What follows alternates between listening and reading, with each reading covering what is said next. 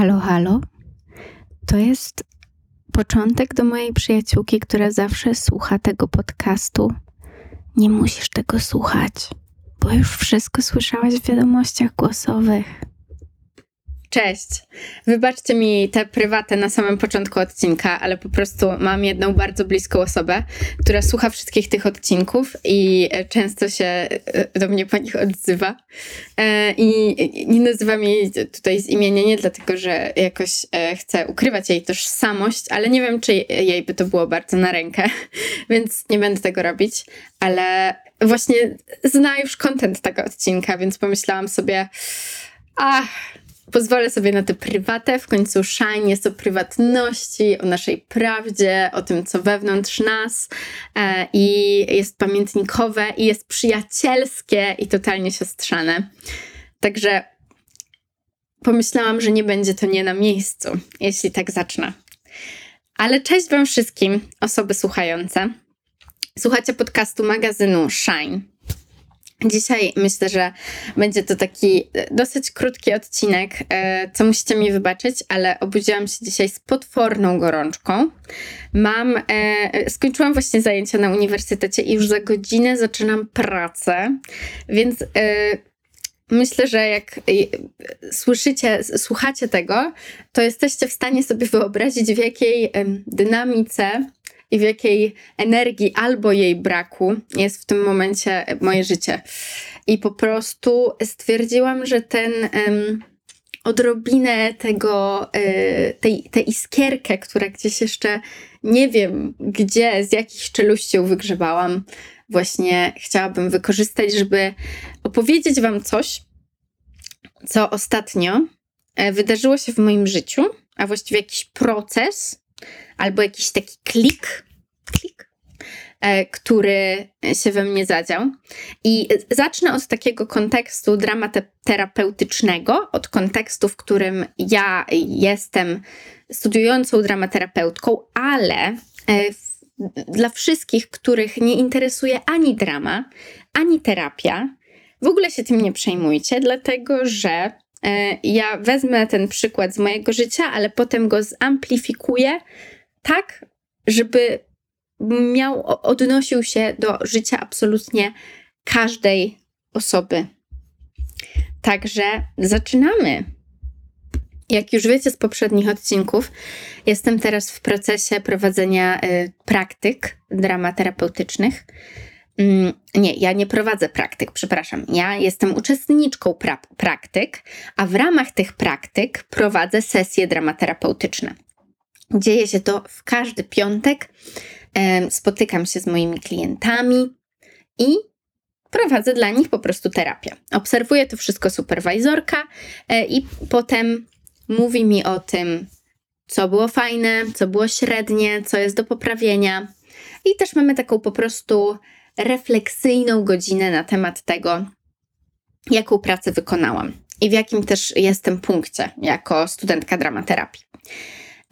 I ostatnio, właśnie w trakcie y, takiego spotkania, takiej superwizji, po sesji dramaterapeutycznej, którą przeprowadziłam, rozmawiałam z moją, z moją superwajzorką i, mm, i tutaj y, y, ważny jest, jeszcze zaczepię, zatrzymajcie się tutaj, widzicie mnie po tej sesji dramaterapeutycznej, jestem ja i superwajzorka i gadamy sobie. I teraz robię dygresję, dlatego że bardzo ważne tutaj jest zaznaczenie wątku znowu moich braci i znowu mojej rodziny i znowu miejsca, z którego przychodzę. O czym większość z Was zdecydowana wie, ale dla tych, którzy może jeszcze nie wiedzą i może jeszcze o tym nie słyszeli, to y, jestem najstarszą siostrą z trójki rodzeństwa. Oprócz mnie jest jeszcze dwóch braci, Konrad i Nikodem, którzy są najważniejszymi osobami w moim życiu ever. I oni obaj są na spektrum autyzmu. I są w bardzo innych miejscach tego spektrum. Zupełnie są totalnie innymi, inni. Oprócz tego, że są innymi osobami, to też e, ich bycie na spektrum się objawia w inny sposób. E, I zawsze e, gdzieś moje, moje decyzje takie życiowe, przyszłościowe były w pewien sposób związane z tym, że jeden z moich braci prawdopodobnie będzie wiązał swoje życie ze mną, a ja swoje życie z nim. Nie oczywiście totalnie, bo każdy z nas jest inną osobą, ale w jakimś wymiarze tak będzie. I też stąd się wzięła dramaterapia. Z tego, że chciałabym ją prowadzić z osobami na spektrum autyzmu, i z tego, że wtedy gdzieś i um, moje, moje pasje są zaopiekowane, ale też miejsce, w jakim może Konrad będzie w przyszłości, może być też moim miejscem w jakimś wymiarze. Przepraszam wszystkich, którzy musieli tego słuchać po raz trzydziesty, ale jestem świadoma, że też są pewnie słuchacze, słuchaczki i osoby słuchające, które nie znały tego kontekstu, więc musiałam go przypomnieć. I e, kiedy słyszę takie pytanie, dlaczego dramaterapia, to wtedy zawsze, że, zawsze mm, powtarzam ten wątek miejsca, z którego przychodzę. Tego, czym był mój dom, jaki był mój dom i jakie są moje relacje z moimi braćmi. I moja. Y, teraz wracamy do tego miejsca z superwajzorką. Pamiętacie to miejsce, w którym e, się powiedziałam, żebyście sobie zapamiętali, że tam jesteśmy. Rozmawiamy sobie i zapytałam ją o to, e, co ona by mi mogła powiedzieć takiego do e, ulepszenia gdzieś tych moich sesji, do ulepszenia mojej jakości bycia w dramaterapii, mojej obecności terapeutycznej, relacji, których, bu których buduję z klientami. I ona mi wtedy powiedziała, że dla niej jakieś bardzo ważne i kluczowe temat, który się pojawia w kontekście myślenia o mnie, jest taki, że ona nie do końca dalej kuma, dlaczego ja to robię. E, że rozumie impuls, który spowodował, że znalazłam się w tym miejscu, w którym jestem, że ta historia z rodziną, z braćmi, ona to totalnie kuma i kupuje, ale że czasem ma problem z zobaczeniem tego, dlaczego mnie to fascynuje jaką ja mam pasję w ramach bycia dramaterapeutką, do czego ja czuję się jakoś powołana, poruszona, dotknięta, zainspirowana. I te dwie rzeczy myślę, że jest bardzo łatwo ze sobą pomieszać. Czyli ten impuls, który pozwolił coś zacząć, versus to, co sprawia, że kochasz albo lubisz coś robić. Często, jak jesteśmy pytani o powód robienia czegoś, o powód do jakiejś decyzji, do wyboru kariery życiowej, to powołujemy się właśnie na to, co spowodowało, że rozpoczęliśmy czy rozpoczęłyśmy tę drogę. Ale to jest jedna rzecz, to co było inspiracją. A jest jeszcze ta druga rzecz, czyli co sprawia, że jesteś w tym miejscu, na przykład jesteś dramaterapeutką, czy, e, czy prawniczką, czy pisarką, czy dziennikarką, czy dziennikarzem, czy pisarzem, i że czujesz się w tym dobrze. I tutaj, jakby taka odpowiedź, czuję się w tym dobrze ze względu na relacje z moimi braćmi, jest absolutnie bezsensowna, bo ta relacja, y, ona mnie do tego poruszyła, rzeczywiście. Ale na co dzień ta relacja jest, te relacje są relacjami na odległość, czy relacjami przez telefon, takimi y, y, z obecnością ze sobą obok siebie mniej więcej, może raz w miesiącu na weekend, a na studiach czy na praktykach jestem codziennie. I miałam wtedy takie, wow, nie wiem tego. Nie wiem. Po prostu nigdy nie zastanowiłam się nad tym. I tutaj wjeżdża jakby kolejny wątek. Ale najpierw, żeby w ogóle rozróżnić sobie te dwie rzeczy, o których mówię, czyli ten impuls ale też to, co powoduje, że czujesz się dobrze z tym, co robisz, i to cię dalej napędza do robienia tego codziennie. to wymyśliłam sobie takie dwa super przykłady, e, żeby zilustrować e, te różnice, o którą mi chodzi. I jeden mój przykład to jest przykład pod tytułem Knedle. I em, sytuacja jest taka, że na przykład moja współlokatorka mówi do mnie: Karola, słuchaj, zrobiłabyś dzisiaj knedle? I ja mogę jej na to odpowiedzieć: Hmm, no, zrobię dla ciebie knedle, jeśli chcesz. Ale to, co ona by najbardziej chciała usłyszeć, i to, co też, gdyby było prawdziwe, to dla mnie byłoby super działające, to byłoby, gdyby szczera odpowiedź brzmiała: Wow, ale super! Marzę o knedlach, Zro zrobię je i zjemy je razem. Czyli to nie jest tylko tak, że to coś, co cię zainspirowało, powoduje, że to robisz, tylko też przyjemność, czy radość, czy dobro, które płynie z tej samej czynności i z tego i z konsekwencji tej czynności, czyli z jedzenia potem tych knedli razem, też jest czymś, co, cię, co ci robi dobrze w środku. Albo drugi przykład. Załóżmy, że ja mówię do mojego partnera: Hej, słuchaj, może pojedziemy razem w wakacje do Nowiny. I on, Nowina to jest taka e, wieś, super miejsce. E, I e, on mi na to może powiedzieć: e, No, możemy to zrobić, skoro masz taką ochotę. Albo może mi na to odpowiedzieć: Kurde, stara, świetny pomysł. Jak myślę o tym, że będziemy razem w wakacje w Nowinie, to od razu rozpala mnie szczęście niesamowite.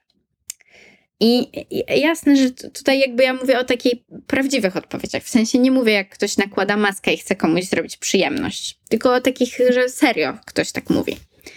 I widzicie, i tu znowu jest dokładnie to samo, czyli mój partner mógłby to zrobić dla mnie. E, I e, tym e, impulsem, który go poruszył do zrobienia tego, jest to, że ja zapytałam i zaproponowałam, ale tak naprawdę taka pełnia tego doświadczenia i pełnia bycia po prostu totalnie na pokładzie z tym, co się dzieje, jest wtedy, kiedy to jest dzielone. No i tutaj dochodzimy, prawda, do tego y, banału, do tego banału z tytułu tego odcinka, że szczęście prawdziwe tylko gdy dzielone. E, I, e, I rzeczywiście może, że w, tym, w tej malignie gorączkowej dzisiaj jestem trochę banalna, ale właśnie y, dla mnie to było jakieś przełomowe, ta superwizja i to, co się na niej zadziało, w konkretnie kontekście, tym małym kontekście tego, y, no tego, o czym cały czas mówię, czyli tego impulsu versus tego, co cię napędza, jak już to się dzieje. Bo to, że szczęście prawdziwe tylko gdy dzielone, to jest jakby jakaś taka ogólna fraza, która się gdzieś może, stosow- może mieć zastosowanie albo nie mieć zastosowania do wszystkiego w życiu. Ale mi chodzi konkre- bardzo, bardzo konkretnie o ten kontekst, bo ja poprzez to doświadczenie wreszcie odkryłam, e, a właściwie wreszcie zadałam sobie w ogóle pytanie, dlaczego ja, ja Karola, to robię. I słuchajcie, ja nie wiem. Ja, ja nie wiem. Wiem, jak, wie, wiem dlaczego historycznie, ale nie wiem dlaczego w tym momencie. E, I to jest bardzo, to jest jakieś w ogóle super ważne pytanie. I tak sobie pomyślałam, że pewnie dużo ludzi tak ma. W sensie, że pewnie dużo ludzi ma tak, dużo z Was może ma tak, że zaczynacie coś robić, dlatego że macie bardzo silną jakąś historię, która za tym stoi, jakąś osobę, która za tym stoi, albo jakąś relację i tak dalej, i tak dalej. Albo, albo jakieś trudne doświadczenie życiowe, może jakąś chorobę. Ale co jest w tym takiego, że wy w tym trwacie? Co na co dzień was napędza do studiowania tego, co studiujecie? Bo może to jest tak, że na przykład studiujecie psychologię i wy totalnie kochacie dowiadywać się kolejnych rzeczy o mózgu ludzkim, o relacjach, o, rodzinach itd., tak itd. Tak Ale może to jest tak, że wy tak serio tego nie znosicie robić, ale po prostu przez to, że na przykład macie całą rodzinę psychologów i psycholożek i już tam, nie wiem, na przykład czeka na was e, e, gabinet po prostu, to, to robicie. E, I ja nie sugeruję, że musi tak być, ale, ale tak jak już mówiłam wcześniej, te dwie jakości wydają mi się takie bardzo łatwe do zmiksowania i do pomylenia ze sobą nawzajem. I tutaj dochodzi jeszcze jeden wątek, który muszę poruszyć w tym odcinku, bo jakbym go nie poruszyła, to nie byłabym sobą. A mianowicie wątek depresji i osób z depresją, osób, które doświadczają depresji, czyli mnie, między innymi. I e, bo, bo jeżeli się ma depresję, to wtedy może być tak, że masz te impulsy, masz te rzeczy, które cię zainspirowały do rozpoczęcia czegoś, ale potem rzeczywiście nie wiesz, co jest, nie, nie umiesz odpowiedzieć na pytanie, ale dlaczego tu i teraz, dzisiaj to robię? Co mnie do tego napędza? Jaką przyjemność mi to sprawia? Jakie dobro mi to robi? Um, I co, co mnie fascynuje w tym, co na co dzień robię? Czyli masz tę racjonalną część, która ci mówi, zaczęłam robić dramaterapię, bo chcę robić coś z osobami na spektrum autyzmu i zainspirowała mnie do tego um, e, sytuacja moja rodzinna. Ale jak już jesteś w środku tego, no to niestety tej przyjemności nie ma, bo jest depresja. I jestem też przekonana, że depresja nie jest jedyną chorobą, która to robi. E, I też pewnie są też inne rzeczy, które się wydarzają w życiu, które niekoniecznie muszą być chorobami, które też robią taki stan, ale wtedy y, też bywa tak, że to jest po prostu stan depresyjny. E, więc ja y, w tym momencie mówię depresja, ale też rozumiem, bo to jest moje doświadczenie, ale też rozumiem to, że pod tym parasolem dla kogoś to może być niekoniecznie to. Ale, ale depresja. Depresja robi to, że się nie wie. Że się nie wie, dlaczego ma się pragnienie, dlaczego, dlaczego się coś robi na co dzień, bo się właśnie nie czuje tego pragnienia. I się nie czuje tego tak zwanego drive'u i tego wspaniałego, wiecie, puszczenia, e, puszczenia kierownicy i tego, że po prostu odlatujesz. Ona odcina totalnie taką możliwość poczucia flow i mówię teraz z punktu widzenia mnie, czyli osoby z doświadczeniem depresji, a nie mnie, osoby jakiejś psycho, um, e, psychowyedukowanej. Bo ja jestem bardzo minimalnie psychowyedukowana e, po pół roku studiów terapeutycznych. Um, ona nie pozwala dotrzeć do tego punktu, w którym stoisz sobie i myślisz: tak, to jest dokładnie to, co pragnę robić, bo ja to czuję, bo czuję to, jak to przepływa przeze mnie i jak, mi, i jak porusza mi to świat, i jak porusza mi to mnie i moją emocjonalność. I to jest okropne fatalne, to jest po prostu obrzydliwe. I nie ma tutaj łatwych rozwiązań. Bo o tyle, o ile ja się mogłam dowiedzieć e, z mojego spotkania z superwajzorką o tym, że to jest ważne, żebym zadała to pytanie, co mnie w tym fascynuje, a nie tylko zawsze odpowiadała background rodzinny. E, ale to, że zadam sobie to pytanie, to jeszcze nie znaczy, że przeskoczę swoją depresję i ja muszę się uczepić tej odpowiedzi, którą mam zaprogramowaną, bo jeśli się jej nie uczepię, to okazuje się, że po prostu wszystko, co robię, jest bez sensu. Więc zadaję sobie to pytanie. Żyję z nim. Ono we mnie jest tak samo jak jest też we mnie moja depresja. I musiałam to poszerzyć o ten wątek, dlatego że myślę, że dużo osób, znaczy wiem, że dużo osób cierpi na depresję i myślę, że słuchanie takiego odcinka bez poszerzenia tego o ten wątek jest po prostu puste. Jest taką bardzo ładną wydmuszką, żeby można było się siebie zapytać o to, o to właśnie, co cię napędza na co dzień i tak dalej. Tylko, że dla niektórych to jest trudniejsze, żeby znaleźć te odpowiedzi. Pozdrawiam Was bardzo serdecznie. Trzymajcie się.